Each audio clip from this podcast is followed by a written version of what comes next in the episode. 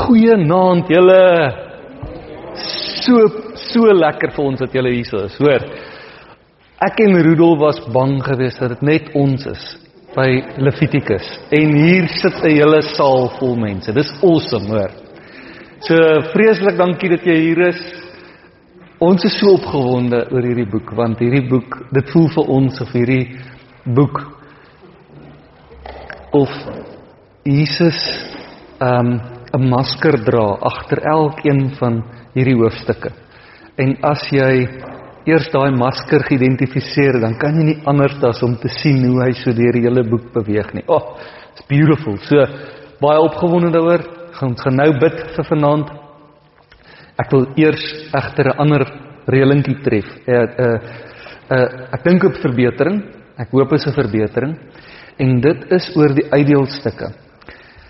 Ehm um, ons maak 'n sommetjie dat hierdie ding ons nogal gaan baie kos as ons elke keer ehm um, vir 40 mense uh 15 of 20 bladsye moet afrol.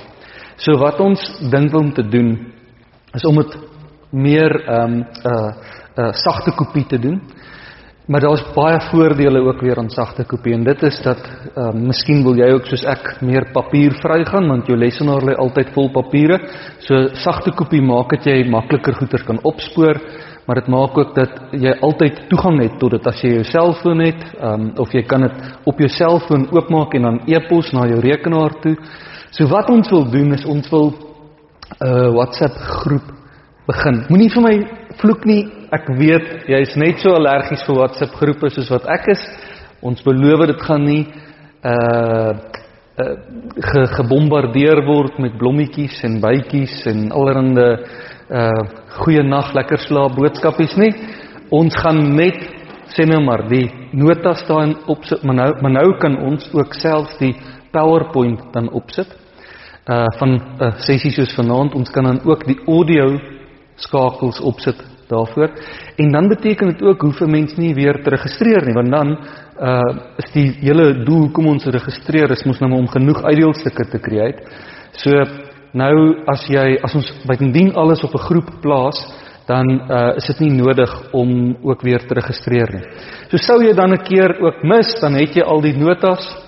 Ehm um, so is dit alraai met julle as ons dit so doen. En ek wil bysê as een van u nog wel die behoefte het om dan dit by die kerk te laat druk omdat jy self nie 'n printer of so iets het nie. Ek weet hoe's ons gemeente. Hulle gaan definitief nie 'n probleem daarmee hê nie. Hoor. So jy kan Christa knik instemmend haar kop haar haar kop. So jy kan definitief sommer vir die kerkkantoor dames laat weet en ons gaan nog steeds vir jou dan dit uh, print, hoor. Dis net om dit so bietjie dit nie noodwendig vir die hele groep te doen nie. Goed. Rudolf. So ons maandag op die webwerf die skakels sit dat by die deel van die WhatsApp groep te word en as jy eers in is, dan is soos die Here se genade is jou nie en dan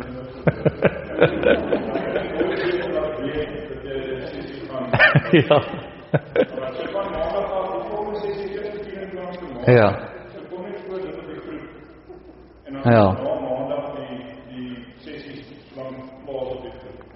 Miskien moet ons maak so, Rudolf, ons het nog nie oor strategie gepraat nie, maar miskien jy praat van webwerf, miskien moet ons ook op die kommunikasiekanale die die link plaas en dan sê nou maar kans gee tot Woensdag toe of so. Woensdag sal ons vanaand se sessie se notas en se PowerPoint en se audio plaas. So as jy voor Woensdag daarop is, dan sal jy al daai sessies se se inligting hê, maar dan kan ons net sowel op Woensdag sal ons dan sommer Amos in 'n plaas, Timoteus sinne en Daniel sinne. Iemand anders het nou juist gevra na die video's van Daniel. Ons sal die video's wat Rudolf geëdit het ook gaan plaas op op Daniel. Goed, ag op daai WhatsApp groep. Goed. Awesome. Genoeg admin. Kom ons bid saam. Ja, Here. Dankie vir hierdie medegelowiges wat nie teruggeduins het vir hierdie boek nie. En dankie dat ons vanaand in vervoering kan raak oor U Jesus Christus. Ons bid dat as ons hier uitstap vanaand dat miskien gaan ons nie eers alles onthou nie, maar as daar een ding is wat ons sal onthou, is dat u nie 'n nagedagtenis was nie, maar dat u bestem was. En dat die hele skrif 'n heenwyser is na u toe, Here Jesus. Dankie vir u offer aan die kruis. Amen. Vriende, ons gaan bietjie afwyk van ons formaat. Ons gaan nie hierdie keer daardie pro forma 10 vrae hanteer, ehm um, slaafs hanteer soos wat ons in die vorige sessies gedoen het nie. Ons wil ons 'n bietjie anders te inkleer want dit is 27 hoofstukke en ons moet die op die ou einde wil ons sê die boek moet vir jou as Christen ook iets beteken. Jy so nie net as 'n uh, as as 'n Bybelkenner of so dat jy no, noodwendig datums wil weet wanneer hierdie boek te, uh, tot stand gekom of so nie, maar hoe integreer jy dit vir jou lewe? En om dit te doen gaan ons vanaand om die beste te maak van ons tyd saam. Gaan ons van die inligting wat ons sou behandel het met die 10 vrae los en eerder ander goeters doen en ander net 'n bietjie rondskommel. So wat ons gaan doen, ons gaan bietjie praat oor die struktuur Want ek dink as jy 'n geheel prentjie kry, dan gaan dit jou help. En die struktuur is vir jou uitgedeel. Hy is hier heel op die eerste bladsy. Ons gaan uh, sommer begin met hom. En dan gaan ons, jy sal sien die eerste deel van die struktuur gaan oor die offers. So ek gaan dan 'n gedeelte doen oor die offers, die die vyf soorte offers uh tesame met die vergroot versoeningsdag se offer. En dan gaan Rudolf oorgaan na die hoëpriester toe uh wat beskryf word in Levitikus. Jammer. En dan gaan Rudolf met ons doen die die wette binne in die ou binne in die Levitikus. En hoe hoe relevant dit is vir ons al dan nie. En hierdie twee hierdie twee opskrifte opskrifies die die offers is obviously ook vir my belangrik. Maar hierdie twee is regtig regtig belangrik. So ek gaan baie aspris 'n bietjie mouter deur die offers. Daar's 'n groot uitdeelstuk vir jou uitgedeel oor die offers wat wat baie van dit opgesom het.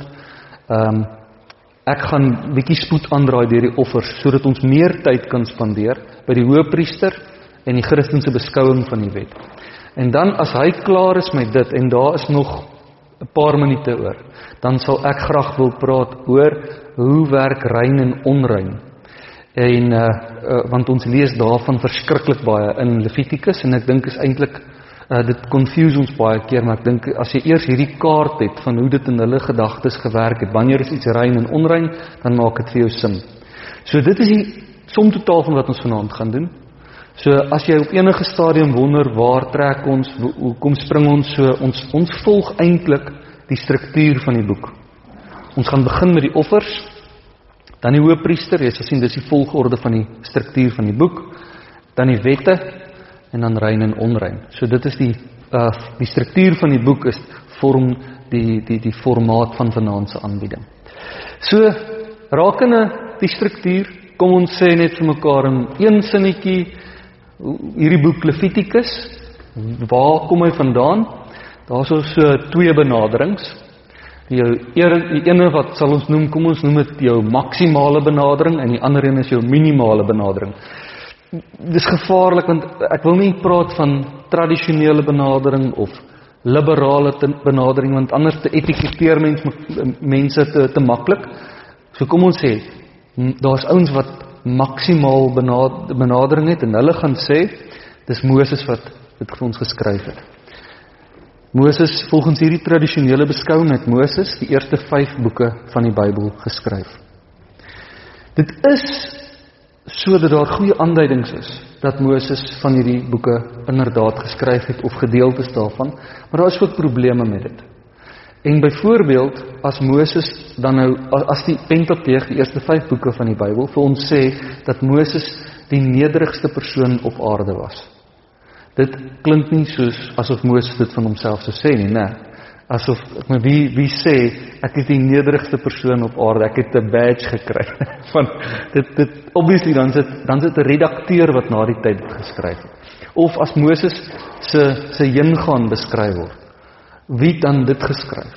So obviously is daar 'n finale redakteurs hand. Die, dan is die ander benadering die minimale benadering. So dit is baie keer of deur skeptici wat dit huldig, maar ook soms deur gelowiges wat wat wat voel nee, dit is baie ver van Moses af wat dit vir ons geskryf het in die minimale benadering, hulle hou vas aan die JEDP teorie. Nou dis 'n baie interessante ene. Ek kan ons gaan nie ons tyd gaan net nie toelaat om in dit in te gaan nie. En nou net dit op waaroor dit gaan, sê hulle sê die JEDP teorie, daar is ons verskillende redakteurs binne hierdie Pentateeg en elkeen van hierdie redakteurs het 'n voorliefde gehad vir 'n baie spesifieke manier hoe om oor God te praat. So die J, ons noem hom die Jawis. Elke keer wanneer sy hand ter sprake is, daai redakteur het sien ons in die teks, ehm um, word daar gepraat van Jahwe, Dis die Afrikaanse ekwivalent of die Afrikaanse ekwivalent van Jahwe is Here. Die E is die Elohos. Dit is in die Afrikaans word dit vertaal met God. So die Jahwes kom meer uit die suidryk uit. Dis waarskynlik 'n rabbi uit die suidryk. Die Elohos kom uit die noordryk uit. Hulle het meer gepraat van Elohim. El is God. Die meervoud van El is Elohim en sy respek vir hom om te sê ons God is groter as gewone El. Ons moet van hom in die meervoudsvorm praat. So 'n mooi manier van praat oor God.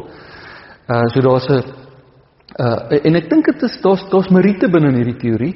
Het jy al met mense gebid wat net kom agter hierdie persoon as jy met hom praat of al haar uh, in, saam met hierdie persoon bid, het hulle nogal 'n voorliefde om die Here op 'n sekere manier aan te spreek.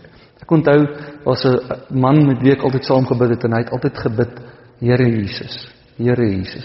En dan was daar 'n ander ehm um, vrou met wie ek altyd saam gebid het en sy het altyd gepraat Papa Vader, Papa Vader.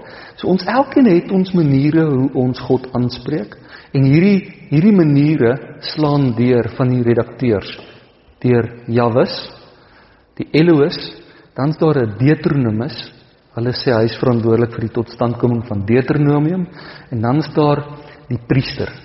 Dis 'n redakteur wat so voorliefde gehad het vir al die kultiese die die kult as ons praat van kultus dan praat ons van offers, wette, uh die die uh, goeders oor die die, die voorskrifte oor hoe die hoëpriester moes gewerk het en gelyk het en so aan. So die probleem met die EDP teorie is eerstens is net 'n teorie Daar's nie bewyse daarvoor nie. Ons sien ons sien die te, in die in die teks verskillende hande, maar dit bly 'n teorie.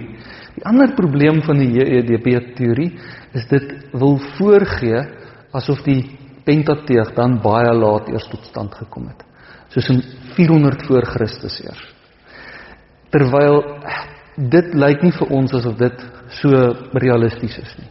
Daar's opgrawings wat gemaak word wat vir ons wys dat die dat die ehm um, mense lank voor 400 voor Christus was die Pentateeg al gevorm. Hulle verwys na die Pentateeg as die wet. Ehm um, so die die die die hierdie Pentateeg is definitief baie ouer as 400 voor Christus.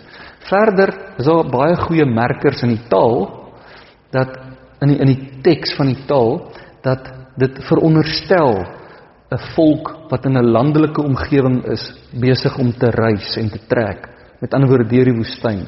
En dit is nogal dis nogal 'n goeie merker. Kom ek verduidelik vir jou. Sommige van die psalms het 'n opskrif, 'n psalm van Dawid, maar dan binne in die psalm dan praat hy van die tempel. En dis 'n byvoorbeeld 'n merker dat dit waarskynlik nie Dawid is wat dit geskryf het nie, want die tempel het nog nie bestaan in Dawid se tyd nie. So daar's 'n 'n 'n merker binne in die teks wat eintlik vir jou 'n tydsaanduiding gee dat hierdie Psalm later tot stand gekom het. Maar as jy byvoorbeeld die Pentateeg lees, dan en al hierdie wette wat ons in in Levitikus lees, jy kan hom gaan soek. Jy gaan nêrens die woord tempel kry nie. Uh dit veronderstel al daai wette veronderstel 'n landelike omgewing waar mense op reis is en baie baie rural bly. Jy kry nie hulle uitgevang nie en dit sê vir jou dit was regtig so oud geweest. Dis regtig so oud. So om daai om daardie rede is dit goed om so 'n gebalanseerde benadering te handhaaf en te sê ek ek dink dit is akademies verantwoordbaar om te sê dat Moses definitief groot gedeeltes van die Pentateeg geskryf het, maar dat dit ook obvious is dat daar redakteurshande is wat na die tyd sy dood ingeskryf het, geskryf het wat 'n wonderlike nederige leier hy was. Ehm um, selfs goeters ge, ge, gerangskik het, die wette vir ons gerangskik het. Ons sien dit ook in in, in Levitikus en dit skep nie vir ons 'n probleem nie want dit was rabbies, dit was gelowiges, dit was 'n kunsvorm vir hulle gewees, baie mense van groot toewyding. So dit is net oor die ontstaan van Levitikus. Definitief Moses se hande ook in dit en ook redakteurs. Uh oor die offers. As ons kom nee, kom ons gaan eers oor die struktuur. As jy gaan en jy kyk na die struktuur, dan sien jy in hoofstuk 1 tot 7 is daar word daar gepraat van offers. Daar's 5 offers in hoofstuk 1 tot 7. En ons gaan vanaand vlugtig na hulle kyk. Dan gaan hy oor van hoofstuk 8 tot hoofstuk 10 en hy praat oor die priesterdom hoëpriester en ons gaan vanaand gaan Rudolf ons meer daarop ingaan. Dan gaan hy oor na voorskrifte oor rein en onrein en dan gaan hy oor na die dag van verzoening by hoofstuk 16. Nou hoekom ons om so pyltjies trek na hoofstuk 16 is hoofstuk 16 vorm presies die middel van die boek. En dis baie duidelik dat die redakteur wat hierdie boek bymekaar gestel het op die ou einde beoog het om dit om die klem te laat val op die dag van verzoening. En dis die groot offer jaarliks wat gebring moet word ter verzoening van die sondes. Dis die grootste gebeurtenis elke jaar. Dis ook die dag uh dis ook die offer waarna Christus se offer heen wys, né? Uh dan gaan hy oor van daar af na voorskrifte oor offers en die gebruik van bloed, daarna voorskrifte oor aanbidding, dan praat hy 'n bietjie oor die feeste. So waar hy aan die begin van die boek gepraat het oor offers, sluit hy dan nou af in die boek of aan die einde van die boek oor oor feeste. Wat baie interessant is, is daar's 5 offers. Ons gaan nou praat oor dit. Elkeen van die 5 offers wys heen na Jesus op 'n ander manier. Aan die einde van die boek begin hy raak aan feeste en as jy so deur die boek deur die Bybel blaai dan kom jy agter daar's sewe feeste weer. Vyf offers en sewe feeste. En hierdie sewe feeste moes hulle gevier het met 3 keer in uh, uh, uh, met pelgrimstogte wat 3 keer in 'n jaar opgehou gaan het na Jerusalem toe. Nou nog nie in in uh Levitikus nie want die volk is nog aan die trek. Maar soos wat dit uh uh um tot stand kom, né? Dan sien ons het die volk 3 keer in 'n jaar in ritme van die landbousektor het hulle dan wanneer dit stiller is op die in die op in die landbousektor dan het hulle 'n pelgrimstog onderneem na Jerusalem toe waar die offers gesentreer was want God wou daardeur iets sê dat alle offers heen wys net na een plek toe En uh, dan het hulle in daai 3 pelgrimstogte per jaar sewe verskillende feeste gevier. So partykeer het hulle sommer meer as een fees gevier op 'n pelgrimstog omdat hulle dan die mense daar almal in Jerusalem het. Goed, en dan sluit die boek af met loskoopwaardes en so aan. Kom ons praat oor die offers. Heel eers teen 1 tot 7, hoofstuk 1 tot 7. As jy hom gaan lees, gaan jy vyf verskillende offers van lees. Hele en is beautiful. Dis beautiful. Nou mense sal sê hoekom was daar vyf verskillende soorte offers? En die miskien is die belangrikste punt oor dit wat ek graag wil wil tuisbring is omdat nie een offer, nie een offer is genoegsaam om te kommunikeer wat die grootsheid van Jesus se offer aan die kruis vir ons vermag het nie. So jy het vyf verskillende offers uit vyf verskillende invalshoeke wat vir ons ietsie probeer skets van wat Jesus op Golgotha vir my en vir jou bereik het. Goed. Um, as jy so deur die offers nou lees, dan sien jy daar's heel eerstens 'n brandoffer.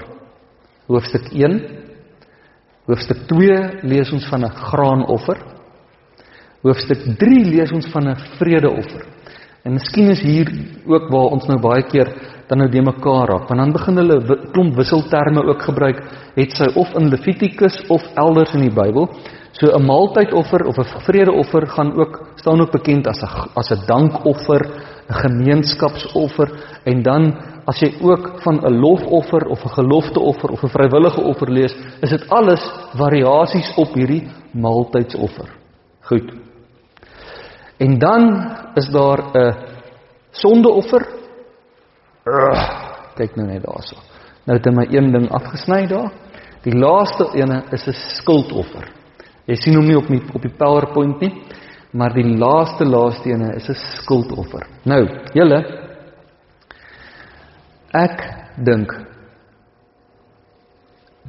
dat ek uh, met redelike groot sekerheid 'n uh, 'n um, 'n 'n waagkans kan neem en sê dat ek dink die meeste van ons dink dat as daar 'n offer gebring is, dan is dit gebring ter verzoening van sondes. Hè? Want dit is definitief wat ek gedink het. Ek onthou destyds toe ek eerste keer opgelees het oor offers, was ek totaal en al verbuisterd oor die feit dat van die 5 offers net 2 2 te maak het met sonde. 3 van hulle het maak het, het niks whatsoever te doen met sonde nie. OK. So as jy nou gaan Levitikus lees, dan gaan jy dit nou sien. Hierdie 5 offers word gedeel verdeel in twee kategorieë. Met aroma en sonder aroma. Met ander woorde, met wierook of sonder wierook. Kan jy wil jy raai vat watter offers wat tussen die twee kategorieë het te maak met sonde. Sê weer. Sonder aroma. Want dit is nie 'n lekker saak nie. Maar die offers wat te maak het met aroma, met wierook, is welgevallig vir die Here. Dit is lekker vir hom. OK. So dit beautiful om mee te, om mee te begin. So, dan verdeel die die offers wat gebring word met wierook, né? verdeel in twee ander soorte offers ook. Albei van hulle word gebring in verhouding met die Here, maar die ene word gebring in verhouding en die ander ene kan jy sê word gebring in in verhouding tot viering van verhouding of ter viering. So daar's 'n 'n celebration wat besig is om plaas te vind. Dis 'n blye, 'n blye offer wat gebring word. Dis nie 'n somber, hartseer ding nie. Dit is soos 'n jubilant offer wat gebring word. Mooi, né? Ons het dit nie geweet nie, ons dink almal offers is gaan net oor sonde, sonde, sonde. Dit voel vir my ons is sonde behep. En dink net so 'n bietjie, laat jou gedagtes gaan. Hoekom dink jy het Jesus gesterf vir ons? Dis die heel eerste ding is ons dink vir vir ons sondes, maar die Bybel praat oor so baie ander taal oor Jesus se offer ook om boetedoening te doen, om ons los te koop, om ons vry te maak en en en. Goed. So dan die sonder uh, aroma offers word gebring vir herstel van verhouding. So dies met wierook word gebring in verhouding, die sonder wierook word gebring vir herstel van verhouding. En as jy dan hom gaan opdeel hierdie hierdie offers, dan sien jy die brandoffer in 'n metodop hoe jy hom erken of herken in die Bybel en daar's 'n baie dik ek dink 12 bladsye opsomming by jou op jou skoot. So ek gaan nou net sulke sinnetjies noem. Die brandoffer, as jy hom wil herken of raak sien in die Bybel, dan is dit dele wat in sy totaliteit gebrand word, geoffer word. Niks word genuttig deur die priester of deur die offer deur die offeraar nie. Niks nie. Die totaliteit word geoffer aan God. As jy bietjie verder blaai in hierdie opsomming van jou, dan gaan jy sien is daar so 'n opsomming van die offers. En dan sal jy sien die brandoffer word beskryf as sy historiese doel. Dit het 'n lewe vereis, so 'n dier moes gesterf het. Dit het egter nie ten doel gehad om sonde te verwyder nie, want dit word gebring met wierook, né? Maar om God te behaag. Die offer wat in totaliteit brand was 'n uitdrukking dat die offeraar in volle oorgawe van die Here leef. So nou sien ons is daar ander gedeeltes in die Bybel wat heenwys in die Nuwe Testament wat sin speel op hierdie soort offer. Byvoorbeeld Efesiërs 5 vers 2 in die Septuagint, né? Die Griekse vertaling van die Ou Testament. Gaan hulle en hulle gebruik die presiese die sinskonstruksies van Efesiërs en Levitikus 1 van Efesiërs 5 en Levitikus 1 stem presies ooreen. So dis vir ons baie duidelik dat daai rabbies wat dit vertaal het, het die verbande getrek. So nou so Efesiërs 5 vers 2 sê wandel in die liefde soos Christus ons ook liefgehad het en hom vir ons sonde oorgegee het as 'n gawe en 'n offer aan God tot lieflike geur. Lieflike geur. Jy hoor dit, né? Daar's wierook by betrokke. En hierdie offer van hierdie brandoffer wat Jesus bring op Golgotha is 'n offer wat in sy totaliteit aan God gewy word. Met ander woorde, die tipologie daar agter sê Jesus gee sy lewe as offer. Die brandoffer probeer nie om Jesus se offer in terme van sonde te beskryf nie, maar eerder in terme van volkomme toewyding aan God. 'n Lewe geheel en al oorgegee aan die Vader.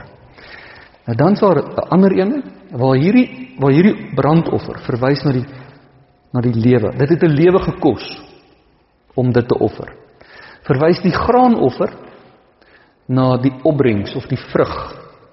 So in Levitikus 2 begin jy lees van offers wat gebring word as fyn meel, olie, uh offer sonder suurdeeg en dit sin speel op dat dit die opbrengs van jou hande is.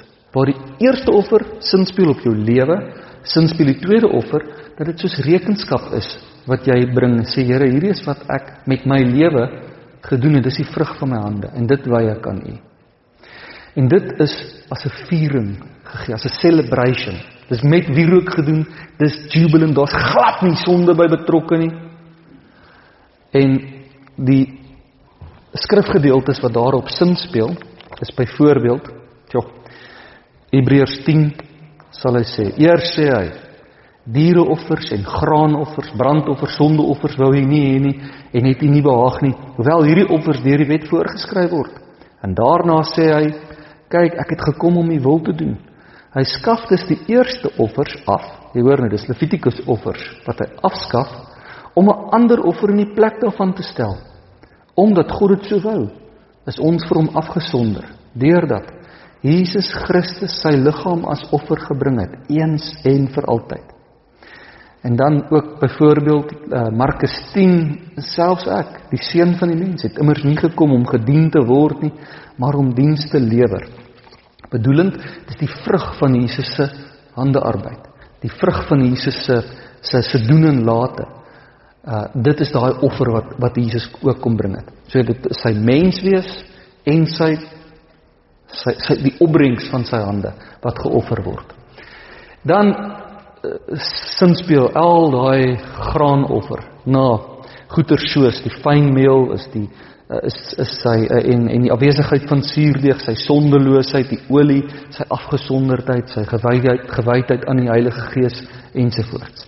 Hierdie ene is super mooi vir my. Die volgende een, die maaltydoffer. Die maaltydoffer is julle dis dis dis pragtig.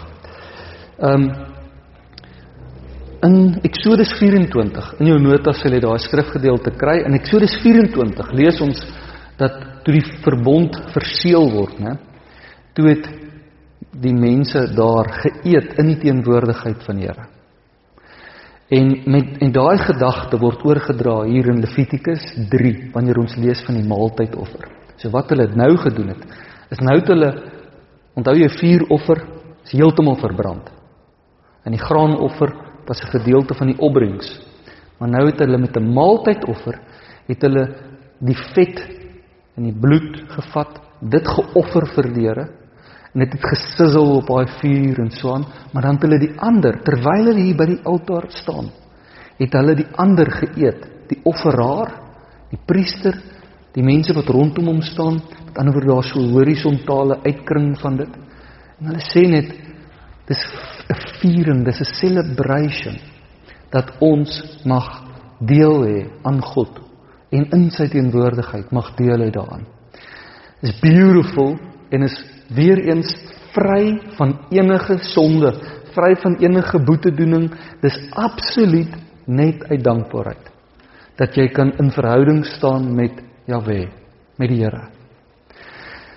Die sinspeling daarvan is veelzeggend vir my. Ek kan nie help sedert ek dit gelees het, kan ek nie meer een enkele keer nagmaal gebruik sonder om daaraan te dink nie. Hè? Jy hoor die nagmaal. Want elke keer as ons nou mos die nagmaal gebruik, doen ons dit in die teenwoordigheid van God en het ons deel verbondenheid met hom. Dis presies die taal van die maaltydoffer. Hoe meer ons aan Jesus eet, hom absorbeer in ons lewens, hoe meer uh uh uh geniet ons dit om in God se teenwoordigheid ook te wees. Goed. Die volgende offer, die sondeoffer vir die eerste keer nou. Hoe gaan ons oor na die offers wat te maak het met sonde vir die eerste keer? Dink jy ons is sonde behep? Ja, ons het gedink alle offers wys net na sonde toe. Eers by nommer 4 van 5 kom ons by by sonde. En hierdie twee laaste twee word baie duidelik afgegrens van die ander offers ook. In die teks in Levitikus gaan jy sien staan daar verder het die Here gesê. Met ander woorde daai daai is soos 'n inleiding om te sê hierdie is 'n ander kategorie wat nou volg, ander kategorie offers. En hierdie offers is ernstig. Hierdie is nie grappies nie, hierdie is nie jou luit nie. Hier hoort nie nou wie rook nie. Hierdie is somber. Dis 'n ernstige saak want verhouding is gebreek hier sonde, hier moet boetedoening plaasvind. So hier's nie nou wierook wat gebrand word nie. Die sondeoffer wat verstommend is, is dat die as jy gaan kyk in die teks is die prosesie wat gevolg moet word. Die prosesie is hulle vat die offerlam, slag hom maar hulle begin dan in die allerheiligste by die verbondsark. Sprinkel die bloed teen die horings van die verbondsark. Beweeg dan uit verby er, er, er, Rudolf gaan nou met ons so 'n virtual tour doen deur die heiligdom. En hulle sê die prosesie is verskriklik belangrik want dit wys vir jou die feit dat dit binne in die allerheiligste begin en na buite beweeg sin speel op die feit dat dit dat dit God is wat die inisiatief neem. Hy hy neem die inisiatief en dan beweeg dit na buite na die mens toe. En dan as die uh as die offer dan gebring is, die bloed is gesprinkel, dan moet die priester die karkas vat en na buite die al na, na buite die kamp neem om dit daar te gaan verbrand. Want en heeltemal te gaan soos te gaan vernietig want die karkas het sinoniem geword van sonde. Dit is gepersonifiseer met sonde. En sonde is so ernstig, dit hoort buite die kamp van die Israeliete, ver buite, weg van die altaar af weg van die tent van ontmoeting. Hoor nou net gou die taal hierso. Buite. Buite die kamp. Daar's iemand buite die stad gekruisig. Né? Nee. Petrus praat en hy en hy sê julle is besprinkel met die bloed van Jesus. Daar is te veel skrifgedeeltes wat heenwys na al hierdie goed. Byvoorbeeld dit wat ons sommer net hier aanhaal vir jou is uh Romeine wat sal sê wat 'n mens van God kan weet was immers binne hulle bereik want God het dit binne hulle bereik gebring bedoelende die inisiatief van die verlossing lê nie by ons nie die inisiatief lê by God dis wat Romeine sê want hy begin in die middelpunt van die allerheiligste en weeg na buite toe hoor bietjie die taal wat Hebreërs 13 gebruik die hoëpriester bring die bloed van die offerdiere in die allerheiligste in om as 'n offer vir die sonde te doen uh, te dien, maar hulle karkasse word buitekant die laar verbrand. Jy hoor dit, né? Dit is die taal van die sondeoffer. En daarom het Jesus ook sy ook buitekant die stadspoort gelei om sy volk met sy eie bloed heilig te maak. So as ons sê hierdie is heenwysend na Jesus toe, ons maak nie so nie. Mm, hm? Sy het nie uit ons duim uit nie. Die skrywers van die Nuwe Testament sê skielik word die gordyn vir ons gelig op hierdie offers. En skielik maak dit vir ons sin soos wat die offer soos wat die karkas buitekant die kamp gevat na toe gevat is om met dit af te reken soos Jesus na die buitekant van die stad toe gevat. Goed. Uh Efesiërs 2 vers 3 vanweë ons sondige natuur sou ons net soos ander mense deur God gestraf moes word. God is maar God is ryk in barmhartigheid en hy het ons ingelief en deur sy groot liefde het hy ons wat dood was as gevolg van ons oortredings saam met Christus lewend gemaak. Uit genade is jy gered. So hoekom is dit belangrik? Dit het nagelaat om te sê as hierdie laaste twee offers vat, die sondeoffer en die skuldoffer, is dit nogal moeilik om tussen hulle te onderskei. Soos die graanoffer is maklik, jy kan sien dit gaan oor meel. Die vuuroffer is maklik want jy sien hy word in sy totaliteit verbrand. Die maaltydoffer is maklik want jy kan sien hulle nuttig die die offerdier in die teenwoordigheid van die Here. Maar die oomblik as jy by die sondeoffer en die skuldoffer kom, dan is die prosesie, die manier hoe dit geoffer word en so aan stem presies ooreen. Die enigste verskil tussen die twee, né?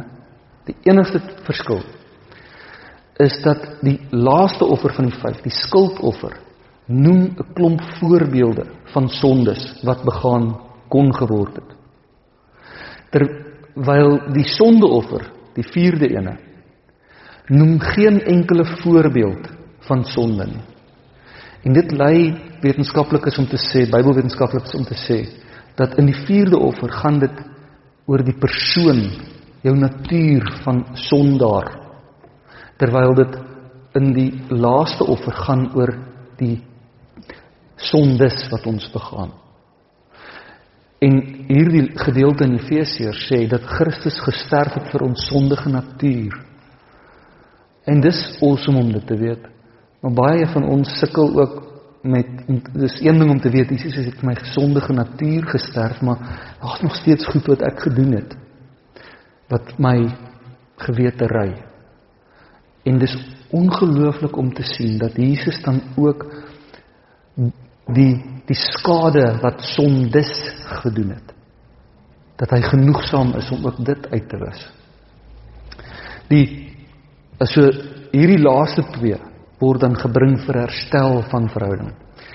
Miskien as mens hierna kyk, moet jy net vir ons vir ons sê of vir, vir jouself sê ons het van godsdienst daarom maar iets gemaak wat verskriklik sonde behep is, né? En ehm um, terwyl Jesus se offer is net soveel meer, soveel meer kleur as net asof dit gaan oor oor sonde. Dit gaan oor soveel meer. Dit gaan ook om God te kan geniet.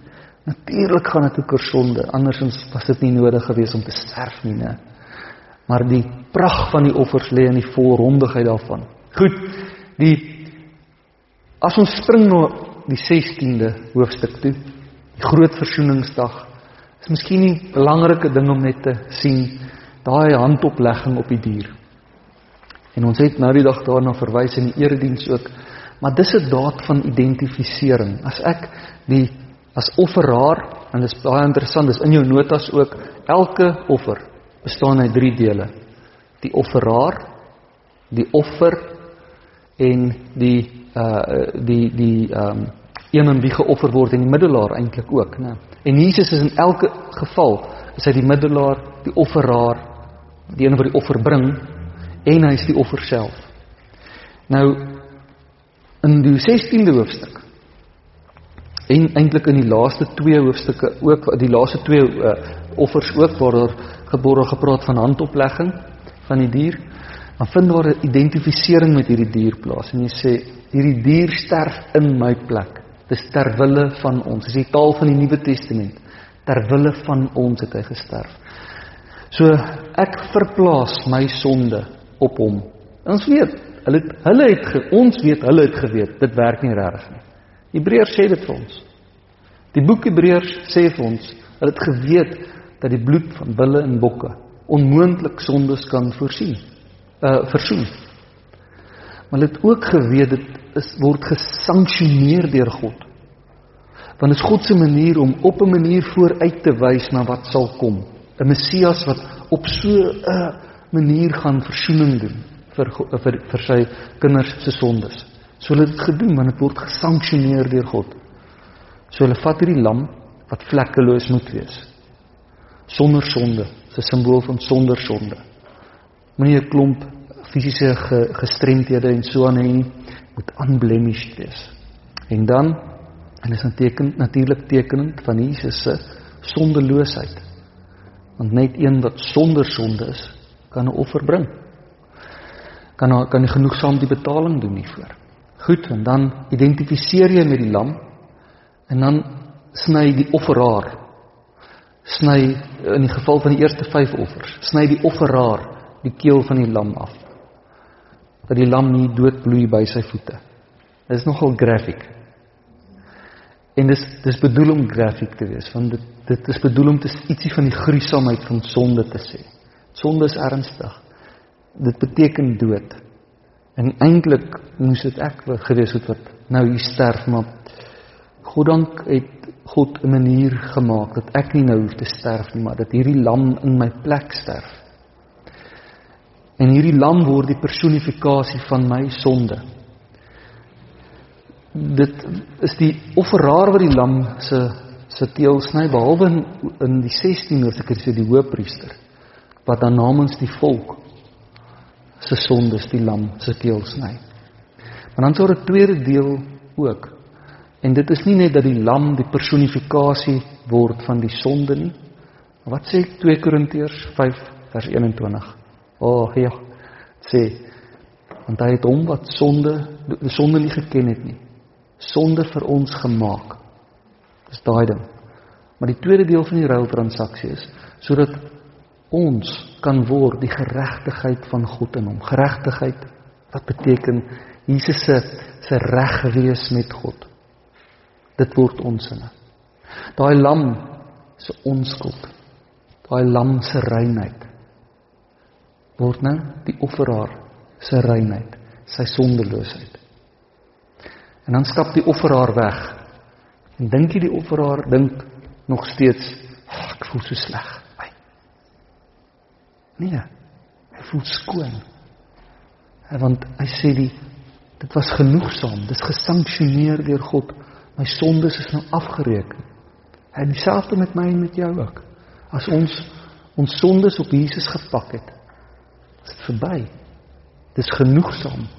Die skuldoffer sê self dat dit nie net gaan oor die persoon nie, maar oor die sondes en die skuldoffer het ook restituisie by. Gaan lees hom maar. Restituisie bedoelend dis dit dit word goed gemaak. Die skade wat aan God gedoen is word opgemaak, selfs nog beter as voorheen. So die offeraar stap weg met volmaakte vrede. Wetende die verhouding tussen hom en God is herstel. So Hebreërs in die Nuwe Testament sê daarom vir ons. Ons kan inderdaad sê dat volgens die wet feitelik alles met bloed gereinig word. Sonder bloedvergieting vind daar geen vergifnis van sonde plaas nie. En dit is waarom die aardse verbondstent en alles daarin wat maar net kopieë van die dinge in die hemel is met die bloed van diere gereinig moes word. Maar die hemelse dinge self het 'n baie beter soort offerande as hierdie nodig gehad. Christus het immers tot in die hemel self ingegaan om nou as ons voorspraak voor God te verskyn. Hy het nie in die aardse heiligdom ingegaan nie. Dis tog maar net 'n namaaksel van die ware een. Hy het ingegaan in die hemelse heiligdom. sien jy hier offers, bloed, sien jy ook die belang van die verbondstent. Dat die verbondstent sê hulle hier is kopieë of 'n namaaksel van 'n hemelse troonkamer. En dat Jesus hier op aarde as ware uh, uh dat dit dat dit 'n ook 'n manier van voorbereiding is vir ons of vir die werk wat Jesus kom doen het sodat ons beter kan kom snap die versoeningswerk wat hy op Golgotha vir ons gedoen het. So om dit te verduidelik, vra ek vir Rudolf.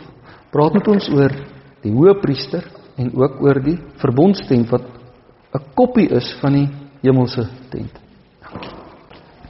Wie sou nou kon dink Levitikus, né? Nee? Hæ?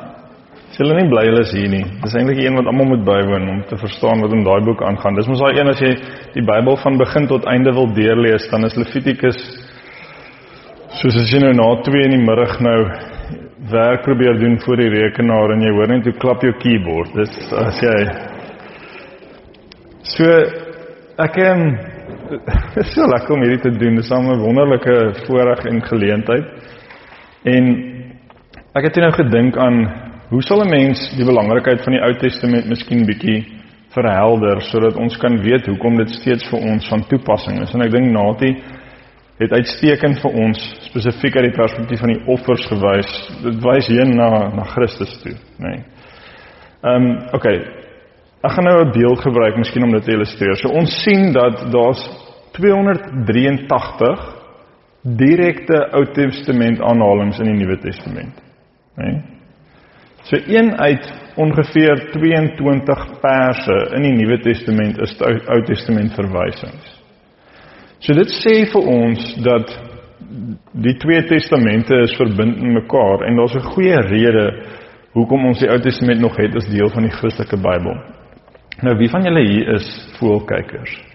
Birders. Sal enigiemand wat ernstig voels kyk? Nou ek het twee vriende spesifiek wat baie ernstig voels kyk. Die een is baie baie ernstig. Hy het al oor die 700 spesies gesien.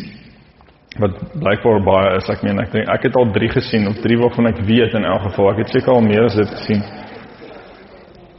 Nou julle sou gesien het onlangs in Mossel Bay, nê? Nee? Daar mos nou baie skaarse voël sy verskyning gemaak die laughing gull nê nee. So skaars. Hy kom hy kom uit noord en sentraal Amerika blykbaar of die noordelike deel en die sentrale deel van Suid-Amerika. Ek weet nie ek dink ek het dit nou reg. En so skaars dat hy nog nie Afrikaanse naam gehad het nie. En toe die mense nou mekaar begin kwaad maak want een nou sê toe maar dis die laughing gull en hy cackleback new wees. Die birding community het nie dit gelaik nie. So op die einde is dit gedoop die riet vlerk nieuw. Nee, is dit is ek reg as ek dit sê? Rootvlerk, rietvlerk. Rootvlerk? Google dit. Ek sien die goed is vir my 'n bietjie bietjie Grieks. Alhoewel dis Frans, Grieks is oukei. Nou, hoekom ek hierdie illustrasie gebruik?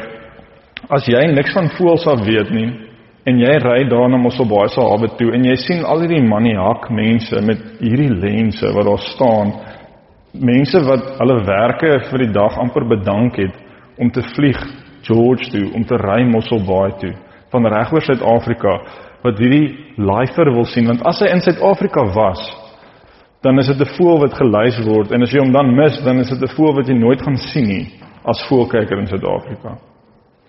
Nou vir my is die verstaan van hoe Christus wat hy regtig kom vervul is deur die Ou Testament te ken en te verstaan, is dit amper soos om 'n voelkenner te wees wat dan weet wat jy sien wanneer jy hierdie skaarse laai versien. En ek dink dit is wat gebeur as ons dan oor Christus lees en hoe Hebreëus dit verduidelik. Deurdat ons hierdie voorkennis het, is dit asof God se laifer vir ons op 'n ander manier betekenis kry. En dis dis eintlik op daai manier ongelooflik opwindend want ons kan dieper gaan as wat ons sou kon gaan as ons nie Levitikus gehad het nie. En ek dink dit is wat ons probeer doen met die Bybelskool in die eerste plek. Ons wil nie hê dit moet 'n droë ding wees wat net inligting is nie, maar alles moet na Christus toe gaan, na die evangelie toe gaan en dit is hoekom hierdie waarde het. So ek gaan 'n bietjie 'n vinnige virtuele toer doen van die tent van ontmoeting. Hierso is ons nou uitgezoom met die miljoene Israelitiese ehm um, tente wat opgeslaan is. Julle sal nou daar sien in die middel is die tent van ontmoeting. En daar is hulle uitgekamp na alle kante toe. En met hoe hulle gespasieer is, is dit presies sentraal. Wat beteken dat God die middelpunt is en aanbidding die middelpunt is van die Israeliete se lewe. Zoom ons bietjie in. Daar sien ons dan die die heiligdom met die tent van ontmoeting, die plek waar God sy teenwoordigheid tussen die mense sigbaar maak, waar waar hulle kan kom en kan offer en kan dien. Ons het nou oor al die offers gehoor. En net daar aan die regterkant. Hierdie is dan nou die voorhof sê ons van die van die tent van ontmoeting. En hierso het die mense dan hulle diere gebring om geoffer te word. En daar is die priesters wat dan daar is die offeraltaar, onder andere waar daar brandoffers was, um, skuldoffers, sondeoffers. Ons hoor ons het gehoor van al die offers wat daar was. So as ons bietjie dieper gaan, dan kan ons nou sien die ouens braai Nee, nou nou het jy eintlik vroeër mooi gesê van hierdie offers was letterlik die die goeie deel, die bloed dan nou en die vet gaan na God toe en die res van die ouens braai en celebrate. So braai is niks niets nie. Ek meen is eintlik 'n Bybelse opdrag. As ons nou mooi daaraan dink. Ons kan nie anders as om te braai nie. Halleluja. Nee. So daar's hulle besig die priesters besig om te offer, so jy het jou dier na hulle toe gebring vir offer. So as jy ooit vir my en Natie dalk hier op pad wildernis te sien stap met 'n karkas oor die skouer, dan weet julle waaroor dit gaan. Dit is vir julle, dit is vir julle wat ons dit doen. En dan kan ons hier rook sien opgaan besig met die offer en dan as ons nou nog nader kom dan skiet die ding vries nou. Ehm um, hierso sien ons dan nou die wat ons nou noem die ingang na die heilige plek en dieper binne in dit dan die allerheiligste. So daar aan die buitekant is daar dan nou 'n uh, 'n uh, waterhouer waar die priesters hulle hande en voete moes was, hulle moes rein wees om te kan ingaan.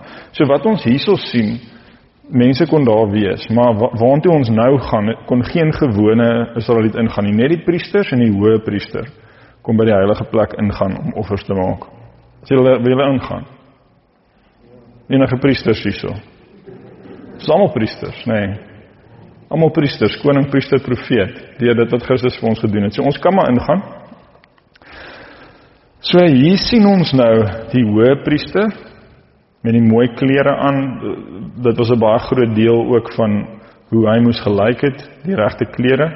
En dan saam met hom die priesters wat besig is om offers hier in die soos ons soos ek sê, die eerste deel is die heilige plek. Ons het die voorhof gehad, die heilige plek en dan het ons daar die die voorhangsel, nê, nee, waarvan ons lees dan nou ook met Jesus se dood. Ek sal nou iets meer daaroor sê. So daarsoos hulle besig om brode te bak en dan staan hierdie lampe as drankoffers en dan staan hierdie lampe wat 24/7 moet brand. Nê. Nee. Dit moet altyd brand, daar moet altyd olie wees vir daai lampe. En dan is daar ook dan nou voor die ehm um, voor die voorhangsel is daar dan 'n uh, 'n wierookoffer ook wat gegee word. Nou as ons nou hierna kyk en ons gaan nou terug van van tot waar ons ingaan deur die offers dan dan sien ons mos nou hoe Christus, hy is die volmaakte lam wat geoffer is. Hy gee vir ons daai verzoening, daai toegang dan hoor ons ook maar Christus is die brood wat lewe gee. Hy is die brood wat lewe gee. Ons hoor ook hy is die lig vir die wêreld. Al hierdie goed ons hoor oor onsself dat ons is 'n aangename geur wat versprei word ook. Dis al hierdie sinspelings. Hulle die Nuwe Testament skrywers se se denke is gelaai met Ou Testamentiese konsepte en taal en Christus kom en hy vervul dit alles. So hierso dan die voorhangsel. Nou ek wil julle gou iets sê oor hierdie ding se size, nê. Nee. Net 'n idee kry van wat gebeur het toe die voorhangsel geskeur het. Kyk, baie mense dink mos die prentjie wat mense kry is, is nou soos 'n gordyn wat in die helfte inskeur. So die ding is 20 meter hoog. Kan jy wat 20 meter hoog, 10 meter breed. En dan gaan ons omtrent handbreedte, 4 vier duim daar rond. So So dik is die ding. Nou na beraming en miskien het hulle partytjie oordryf die Jode, maar dit was gesê dat om hierdie op te sit en af te haal en te skuif het 300 priesters gevat om dit te kan doen. Dit was sodat perde nie ingespan kon word om dit te sleep nie, dit is te swaar. En dan sterf Christus en die voorhangsel skeer in wat hoe skeer hy van watter kant af? Van bo na onder. So dit vat 'n goddelike daad om dit te skeer want dit is nie menslik moontlik nie. En Christus se liggaam wat lees ons dan nou in Hebreërs wat lees ons in die Nuwe Testament, hy het vir ons toegang gegee na die heiligdom, na die genade troon deur sy lig deur die voorhangsel heen, dis sy liggaam wat uiteindelik vir ons geoffer word, skeer dit en God se teenwoordigheid kom in almal se lewens in deur Christus. Jy sien hoe lekker is dit om te verstaan wat hier aangaan. Dis wonderlik. Nou gaan ons na 'n plek toe waar net die hoëpriester kon gaan, net een keer 'n jaar met die groot versoeningsdag. En dan het hy nou die bloed besprinkel en dit was hy moes eers vir homself offer. Dit is belangrik die hoëpriester kom ook eerstens as sondaar offer vir homself. Ehm um, hierso sien ons dan nou die versoeningstroon binne in die die wet en dan ook Aaron se staf Ek sê vir Natie die slag Aaron se vrou seker, hy het altyd sy staf laat rond lê, maar dit was daar binne in die versoenings in die in die verbondsark met die versoeningstroon bo-op dit. En dit is dan die plek waar God met die hoëpriester daar Aaron gepraat het. Een keer 'n jaar, een dag, een mens. Ja, dis dis die vlak van toegang en die volk was happy om hulle verteen hulle wou nie eintlik self met God praat nie dis te skrikwekkend hulle soek iemand wat dit namens hulle kan doen en hierso sien ons nou die gerubs hierso bo op die ehm um, versoeningstroon wat God se teenwoordigheid dan nou simboliseer Alraai, so jy het nou 'n prentjie, né? Nou die tempel is is dan nou 'n permanente, ek wil sê die tempel in Jerusalem is op hierdie selfde model dan nou gebou. So as die voorhangsel skeer in die tempel, is dit ook die heilige plek, die allerheiligste en hierdie massiewe groot voorhangsel wat skeer. En die simbool daarvan natuurlik dat deur Christus het ons toegang tot God en ons ons sondes versoen. Nou ek wil 'n oomblik vat, ek gaan praat oor die hoë priesterskap en 'n opsomming daarvan gee. En die verskil tussen die Aaron as hoëpriester, die aardse hoëpriester en Christus as hoëpriester en wat Christus kom vervul het en die ongelooflike implikasies daarvan. So ek gaan 'n oomblik by dit net stil staan en na dit gaan ons kyk na dit hoe is die wet dan nog vandag um, van toepassing op ons? Kan ons vark eet of nie? Ons sal ons sal meer daaroor sê. So kom ons begin. Aaron ons hoëpriester is vanuit die mense geroep. Christus is ook ook geroep vanuit die mense. Hy's 'n mens net soos ander mense deur God uitgekies en gestuur. Ons lees in Hebreërs 5 vers 2, die hoëpriester het deernis gehad met hulle wat dwaal. Christus as hoëpriester het tot 'n groot mate nog verder gegaan. Hy het met trane en met smekinge gebid. Sy hart het gebloei vir mense. Hy het, hy het mense jammer gekry. Dit was meer as net deernisvol met sy hele wese en sy liefde was hy een wat medelee met mense gehad het. Die hoëpriester was vlekkeloos in klere drag. Christus is vlekkeloos in karakter. Volmaakte hoëpriester. In Levitikus 16 vers 3 lees ons dat die hoëpriester die aardse tabernakel binne gegaan het terwyl Christus as hoëpriester die hemelse tabernakel binne gegaan het. Nou dis ongelooflik om dit te dink dat daar 'n hemelse realiteit wat die aardse ehm um, tempel, die aardse tabernakel is is eintlik net 'n uit, uitbeelding van dit wat in 'n hemelse realiteit aangaan. En Christus was die een wat die hemelse realiteit, die hemelse tabernakel kon binnegaan en vir eens en vir altyd 'n einde kon maak aan die aardse offerstelsel, soos wat ons dit sien in die Ou Testament. Die hoofpriester het eenmal per jaar binne gegaan, die groot versoeningsdag. En hierdie is my vir my, hierdie is iets wat my altyd so verstom en ons weet nie eintlik wat ons het nie. Christus het eens en vir altyd ingegaan.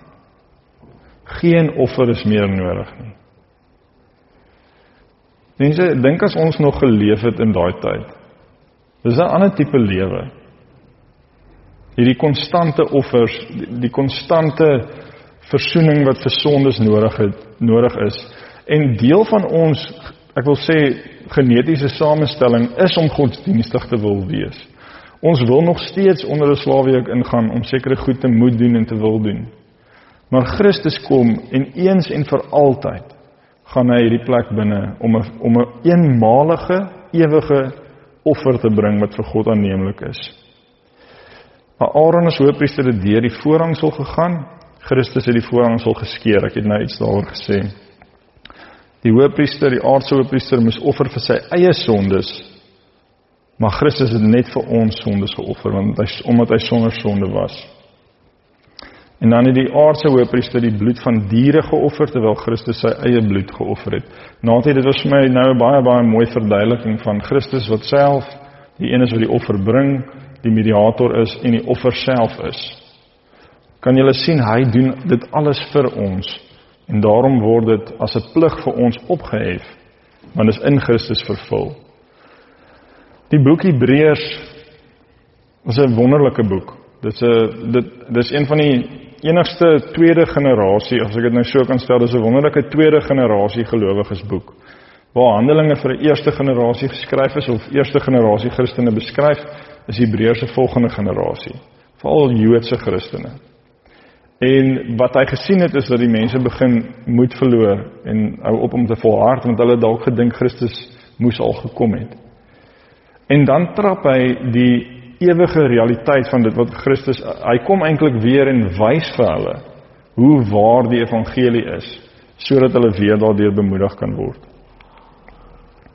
Ons van hierdie vir 'n e-mail, ek dink dis 'n baie eenvoudige, mooi vergelyking om om net te wys wat het Christus kom vervul in sy hoë priesterskap.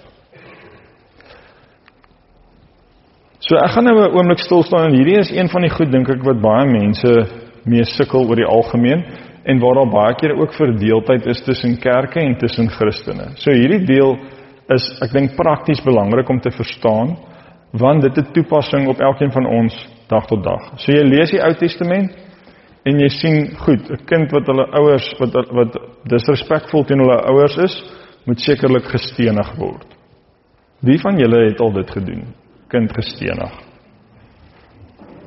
Enige iemand, die polisie staan net hier buite om julle te ontvang saam met twee karkaste wat jy saam met jou gaan vat tronk toe. As jy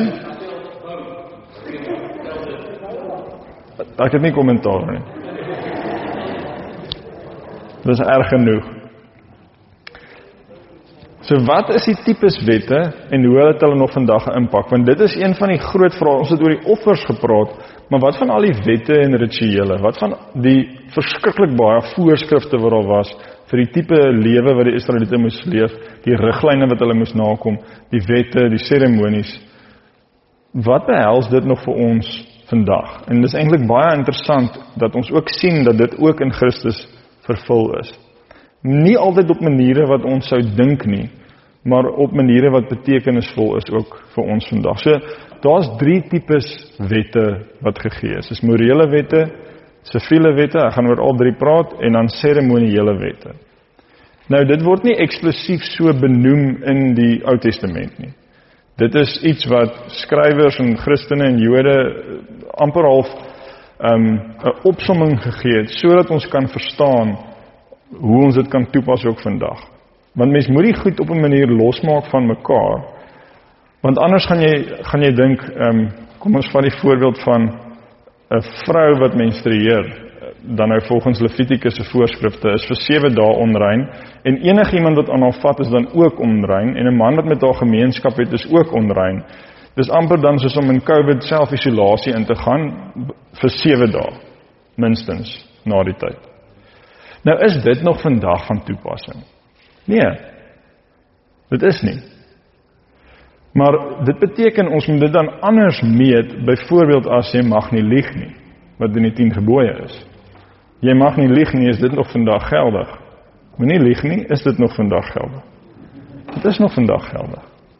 So duidelik is daar verskille in as ons al die wette en reëls en riglyne in die Ou Testament op face value moet vat, sal ons verskriklik sukkel want ons sal kultuurvreemde goed doen wat nie sin maak in vandag se tyd nie. Maar dan die groot vraag is rondom wat is kultuurspesifiek en tydspesifiek en wat is universeel en ewig? En dis hoekom die onderskeid tussen die wette nogals belangrik is. En baie teologiese debatte Ehm um, ek gaan dit nou maar vat as 'n voorbeeld, maar kom ons sê selfde geslagverhoudings. Die die debat is nie die een groep lees hulle Bybels en die ander groep nie. Dit ek moet ook net dit sê. Die debat is is dit iets universeel? Die riglyn rondom selfde geslagverhoudings of is dit iets wat kultuurspesifiek was? Die manier hoe dit in daai tyd gesien is en hoe mense dit vandag uitleef is verskillend. Dis die tipe debatte en die vrae en hoekom dit moeilik is Want ons kan nie altyd onderskei wat's kultureel, wat is Bybels teologies universeel. Net net as een voorbeeld. So morele wette gaan eenvoudig oor die die 10 gebooie wat geskryf is op klippe en dit dui op 'n ewigdurende en 'n universele karakter. En Christus maak nie dit tot niet nie. Hy kom vervul dit. Miskien is dit belangrik om te sê dat vandat God met sy volk 'n verbond gesluit het waarna hy eintlik sê ek wil julle God wees, ek wil hê julle my kinders wees, het hy onmiddellik vir hulle wette gegee. En die idee daarvan was aan die een kant om hulle te beskerm, want as jy binne in sekere gedragskodes optree, gaan die lewe vir jou en jou medemens baie baie beter wees. Maar dis ook om hulle af te sonder, om 'n onderskeid te tref tussen hulle en die heidene wat omliggend is. So hy soek 'n heilige en 'n unieke volk Maar hy wil ook die mens help om 'n manier te leef waarin jy jou medemens kan lief hê en jouself kan veilig hou. Luister wat sê Christus self oor oor die wet. Hy sê moenie eers daaraan dink dat ek gekom het om die wet of die profete af te skaf nie. Ek het nie gekom om af te skaf nie, maar om te vervul. So dit sê eintlik vir ons Jesus maak dit nie minder waar nie, hy maak dit meer waar. Waar lees ons dit Matteus van Matteus 5 tot Matteus 7? Want nou die 10 gebooie byvoorbeeld jy mag nie egbreek pleeg nie. Daar is dit 'n daad. So Jesus radikaliseer dit. So hy maak dit nie tot niet nie. Hy sê hy sê nie weet jy wat jy kan ons skei nie. Hy sê dit gaan nie net oor jy mag nie skei nie. As jy as jy met 'n vrou, as jy vir 'n vrou kyk en jy al begeer dat jy oorstaan jou hart gepleeg. Dis meer radikaal.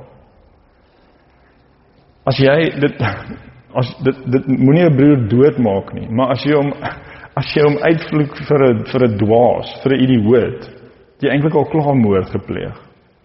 So dit sê vir ons dat hierdie wette het God ekstern vir die mens gegee, maar Christus wil hê ons moet dit intern leef. So dan Dallas Willard, die skrywer het dit al vir my mooi opgesom. Hy het gesê Dit gaan nie oor of jy jou vrou verneek of nie verneek nie. Dit gaan daaroor is jy die tipe mens wat dit sal doen of nie sal doen nie.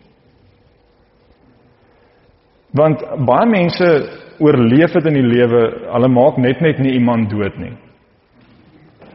Maar hulle is eintlik die tipe mens wat gegee word die regte dag, tyd en omstandighede iemand sal doodmaak. Dit is net nie die geleentheid wat gekom het nie. So is jy 'n geleentheidsmoordenaar of is jy die tipe mens wat nie 'n lewe sal neem nie? Dis wat die evangelie se verstaan van die wet eintlik aan ons doen en wat die Gees in ons harte bewerk. So die morele wet is universeel. Ek dink as jy gaan 'n studie doen oor alle volke oor alle tye heen, is daar 'n paar goed wat altyd gaan oorvleuel en ons sien dit en dit is God gegeewe.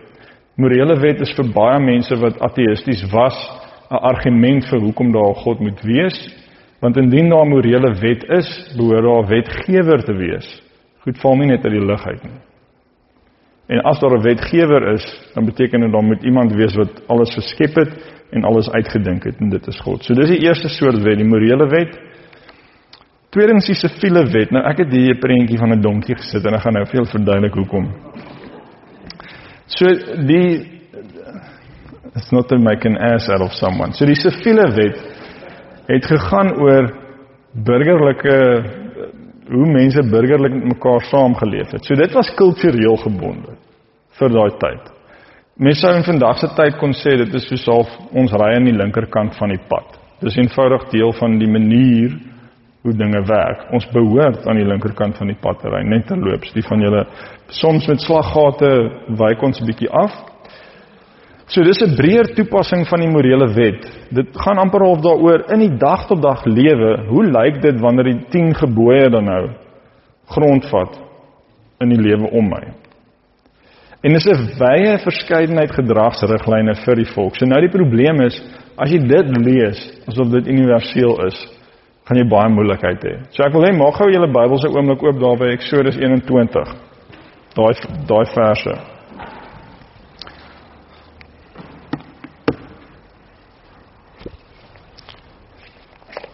Ek gaan nou vinnig deur hierdie beweeg. Dis net ter illustrasie dat julle sien hoe lyk die siviele wet in volle glorie.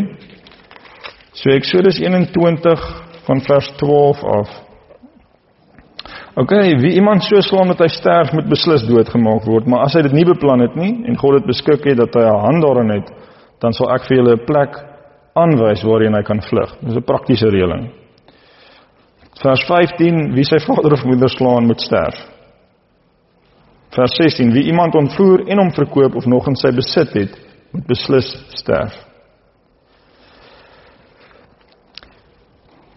Dan van vers 28 af. Wanneer 'n bees 'n man of 'n vrou stoot sodat die persoon sterf, moet die bees beslis gestenig word. Sy vleis mag nie geëet word nie, maar die eienaar van die bees is onskuldig. Okay, so dis gelukkig die, die bees se skuld.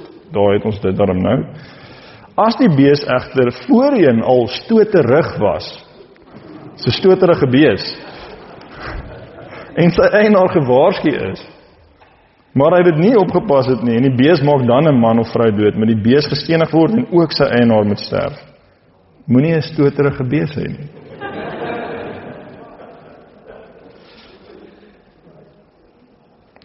Vers 33. En dis waar die donkietjie vandaan kom. Wanneer iemand 'n opgaar put ooplaat of iemand 'n opgaarput uitkap en dit nie bedek nie en 'n bees of 'n donkie val daarin, moet die eienaar van die opgaarput vergoeding betaal. Hy moet vir die eienaar geld gee en die dooie dier sal dan aan hom behoort. Nou maar kry vir jou stoterige bees wat dood is. OK. So julle hoor dat dit is nie dis soos kulturele goed van toepassing op daai tyd. Dis nie nou meer so nie. Dit was spesifiek vir daai mense met 'n bepaalde beskawingspyl om te help om te verstaan hoe om te leef. En dan baie belangrik en daar kan ons verskriklik baie by die Jode, die Ou Testamentiese volk leer. Daar was nie vir hulle 'n skeiding tussen die heilige en die alledaagse nie. Vir hulle was hulle hele lewe alles het met God te doen gehad. So die bees wat in die put val wat stoterig is, en die tempel van ontmoeting is vir hulle in dieselfde kategorie. Dit het alles te doen om hierdie goed reg te doen, het met God te doen. So dis die siviele wet. Interaksie met jou medemens, hoe maak mens reg wat verkeerd gegaan het? En dan laastens die seremoniele wet. Die seremoniele wet is wette wat ons fokus op God. Dit rig die een wat dit toepas op God spesifiek. So dis die offers en die seremonies, ons het oor die offers gepraat, dis seremonieel. Dit gaan oor reinheid en onreinheid, praktyke en rituele wat uitgevoer moet word. Wanneer is iets onrein? Hoe maak ons dit rein? Dan ook feeste en vieringe, byvoorbeeld die Pasga wat ons herinner aan dit wat God in die verlede gedoen het wat dan nou weer geselebreer kan word. Dan ook die eet en klere drag. En hier is waar die vark en dan nou in die die vark in die verhaal dan nou in die in die storie inkom. Van julle ken dalk Christene wat sê nee, nie vark eet nie. Né? Nee? Miskien is jy een van daai mense wat dit vir gesondheidsredes doen. Maar daar's nie Bybelse gronde om te sê Christene kan nie vark eet nie. Inteendeel, wanneer daai openbaring kom aan Petrus wat sê slag en eet, dan sê hy soos, "Wow, nee, kan nie dit kan nie onrein diere eet nie." Dit word oopgegooi. Die seremoniele wet met die eet en klere drag word word op opgehef tot nie verklaar. So drink jou koffie en eet jou vark, maak dit net asseblief ordentlik gaar. Dis baie baie belangrik. En die belangrike ding, al hierdie goed het mens met die doel in die hart agter dit verstaan.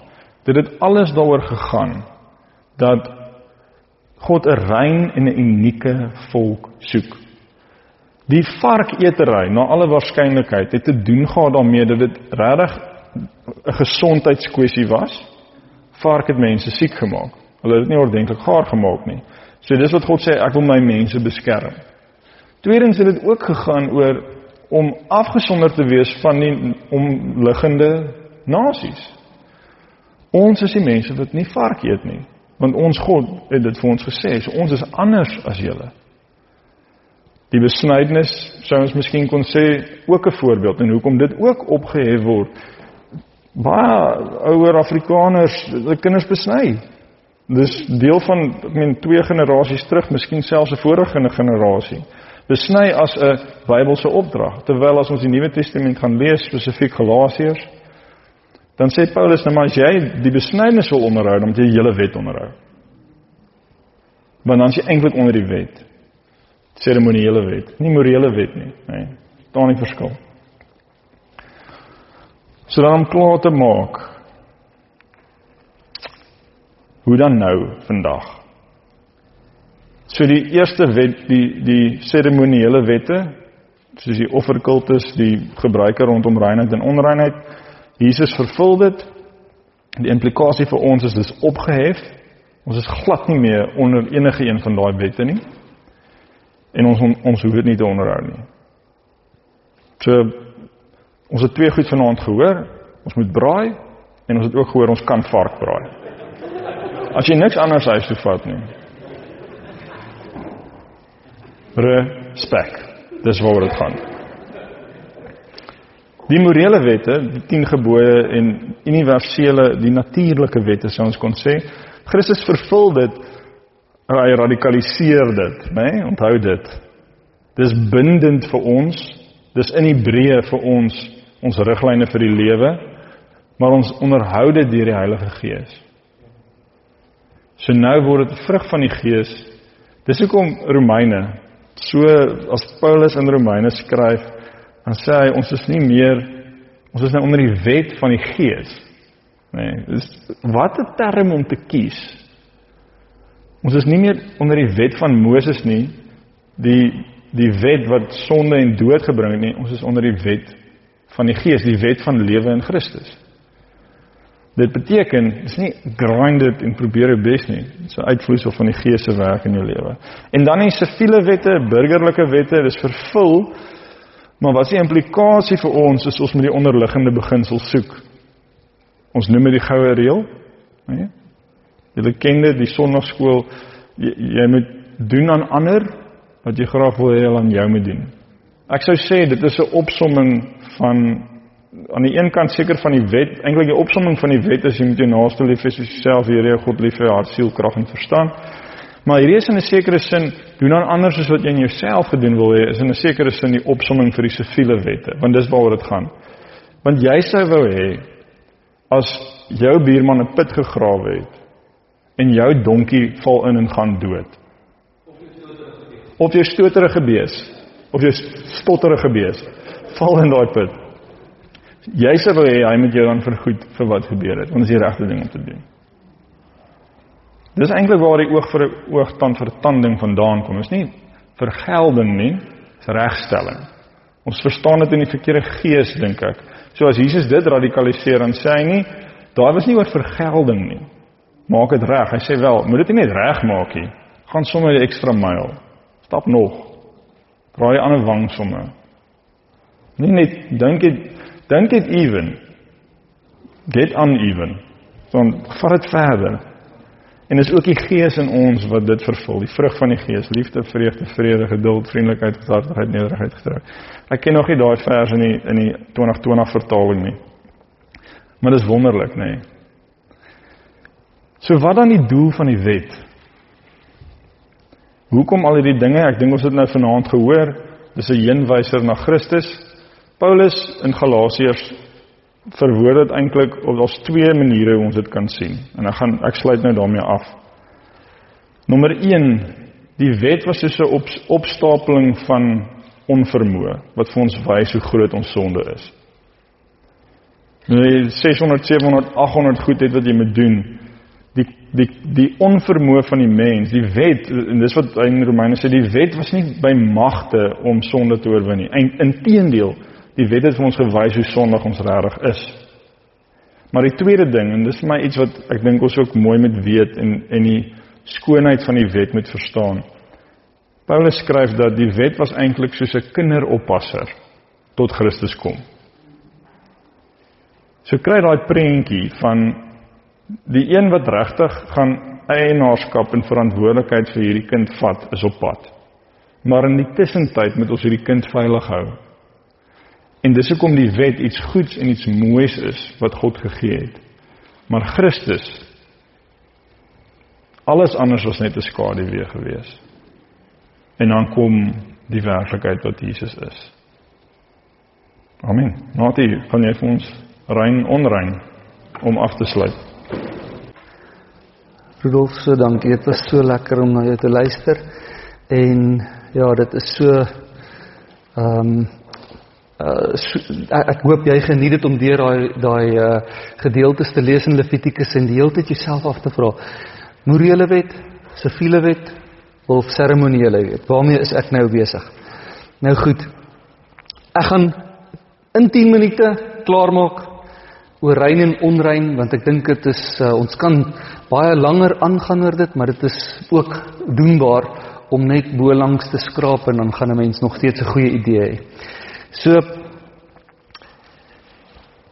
eerstens, as jy wil weet hoe hoe het hulle kaart hier in hulle kop gewerk van wanneer is ietsie rein en onrein, want jy gaan nou weer goeters lees van paddas en semen en volstruise en van jy gaan weer goeters lees. Nou die kaart wat in hulle gedagtes afspeel is heel eerstens bly ietsie binne die grense of nie. Dit is eh, die Joodse mindset is een van grense. So dink 'n bietjie byvoorbeeld aan grond. Grond is heilig. Land is heilig. Maar dis heilig as dit daar buite is, maar die oomblik as dit binne in jou huis is, is dit vuil. Want dit uit 'n grens moes nou oorsteek, né? Nee. En dieselfde werk, so so dieselfde ding wat op een plek heilig en rein en goed is, kan net op 'n ander plek as hy die grens oorsteek sleg wees. So die eerste eerste vereiste vir iets om rein uh, uh rein te wees is dit moet binne die grense bly. Gevolglik ietsie soos semen, bloed, ehm um, allerlei ander liggaamsvloeistowwe, dis wonderlike goeders maar solank dit binne die grense bly. As jy lees dat 'n vrou wat menstrueer onrein is, beteken dit nie dit is omdat hulle onbewustelik dink sy sondig nie. Of as 'n man 'n saadstorting het dat hulle eintlik anti-seks is nie. Dis juis oor hierdie enorme respek vir dit. Bloed is heilig. Ons het nou nog gelees in Levitikus, hulle mag nie bloed gebruik het nie. Bloed simboliseer lewe. Maar dan moet dit binne die liggaam wees. As dit die grens verlaat, oorsteek, dan is dit skielik onrein, net soos grond. Nee, dieselfde met semen, dieselfde met liggaamsvloeistowwe. En uh, Rudolf het nou nou gehind daarna toe en hy sê heeltemal reg, dit gaan oor onder andere oor gesondheidswette want die die Here rig hierdie goeters in want daar sou ontstaan goed soos malaatsheid of wat ook al nê en skielik het mense liggaamsvloeistowwe wat etter uit swere uit. Dis makliker om dan dit te uh, um, in 'n kategorie te sit en te sê dis onrein. Die persoon moet uit die volk uit isoleer want anders steek dit soos 'n japtrap die hele kamp aan. Goed so die heel eerste vraag is bly ietsie binne in sy grense. As dit ja is rein As dit nee is onrein. Die tweede vraag wat hulle vir hulle self vra is: pas dit in die skepingsorde? Met ander woorde, ehm um, 'n vis, né? Hoort in die water. Maar nou kry jy goeder wat binne in die water hoort, maar wat nou skielik op land is of wat op land is, maar skielik in die water hoort, soos paddas en krokodille. Dit bly mos nou nie in die skepingsorde nie. God het dit gemaak vir of vir die land of vir die water en hierdie ding kan nie sy mind opmaak nie. 'n Volstruis is 'n voël, hy hoort in die lug, maar nou loop hy hier op grond. So 'n volstruis, jy gaan dit lees in Levitikus, is onrein. 'n Vark hoort dis 'n veronderstel om 'n soogdier te wees. Maar die dekselse ding is heeltyd in die water, in die modder. So dit pas nie. Dis onrein. Die volgende kategorie wat jy vir jouself afvra, is die laaste een en dan gaan ons klaarmaak, is pas dit in by wat normaal is. So 'n vee byvoorbeeld, die kenmerk van soogdiere van vee is hy moet kan herkou en hy moet gesplete hoewe hê. Maar 'n vark herkou nie en hy het ook nie volledig gesplete hoef nie en 'n kameel herkou nie, nie gesplete hoef nie en gevolglik is kamele en varke onrein. Maar maar beeste en skape is rein. Uh insekte wat dis 'n insek kan rein wees, maar dan moet hy nou kies wat hy wil doen, wil hy vlerke hê of wil hy pote hê? 'n by is uh, hy is serieus daaroor om te vlieg. Nee, hy het vlerke. Maar ander al allerlei ander uh uh um uh, kakkerlakke en goeters wat vlerke het maar wat dit verkies om te loop, sprinkane en sulke staf. Dit pas nie die die skepingsorde nie. So gevolglik as hierdie 3 velde oor mekaar gesit word, as jy kan antwoord op daai dat dit in elke ene sê ja, dan is dit rein.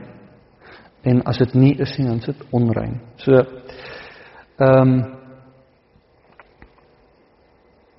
Ek gaan net so aanhaak by wat Rudolf nou gesê het, so sommer net so verwys net ook vir interessantheid net na selfde geslag. Dis die interessantheid ook as jy kyk na as ons nou praat oor die topik van selfde geslagverhoudinge. Daar's 'n baie duidelike uh, dialektiese so teenoorgesteldes wat wat God skep so in die begin van die van die uh, van die skepingsverhaal ek nê dag nag lig en duisternis vaste land en wat 'n uh, vaste land en water man en vrou. En gevolglik binne in die Joodse brein dit is wat normaal is. En daarom ook in Levitikus word daar verwys na na selfde geslag uh, verbintenisse En dit pas nie die dit pas nie in by wat die Joodse brein sê normaal is nie. Dit pas nie in by wat die Joodse brein sê in die skepingsorde plaasvind nie. En dit pas nie die Joodse brein in by wat die grense wat hoort nie. En gevolglik noem hulle dit onrein. En soos Rudolf heeltemal tereg sê, ons taak is om te probeer besin, is dit 'n dis nie 'n seremoniele wet nie. Maar is dit 'n morele wet of 'n siviele wet? Nee, wat ons ook bidend dan nou ook moet oorweeg. En dis hoekom dit prakties raak. Julle volgende keer as ons bymekaar kom, dan gaan ons praat oor 1, 2 en 3 Johannes. En dis 'n pragtige boek, selfde outeur wat die evangelie van Johannes geskryf het. Maar daar was probleme binne daai boek. So hier's my teaser vir jou.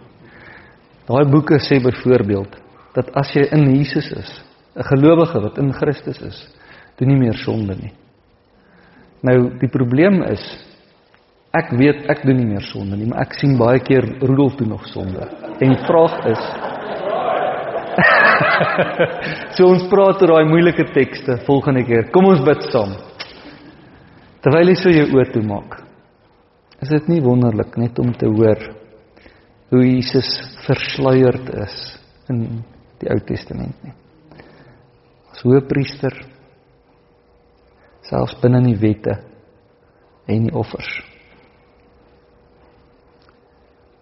Here Jesus, U is nie 'n voetnota in die Bybel nie. U is nie die nagedagtenis nie. U is die een waarom alles draai. Die hele skrif wys na U toe. Ek wil bid vir hierdie medegelowiges van ons en en en vra Here dat wanneer ons Levitikus lees, dat ons U sal ontdek om elke hoek en draai. En dat ons U sal raak sien waar U versluierd is in Levitikus. Waar U wag om ontdek te word. Die manier waarop U gekontrasteer word, waarop U lewe anders is waarop u offers alles genoegsaam is. Waarop u liefde soveel meer is. Dankie Here. Amen.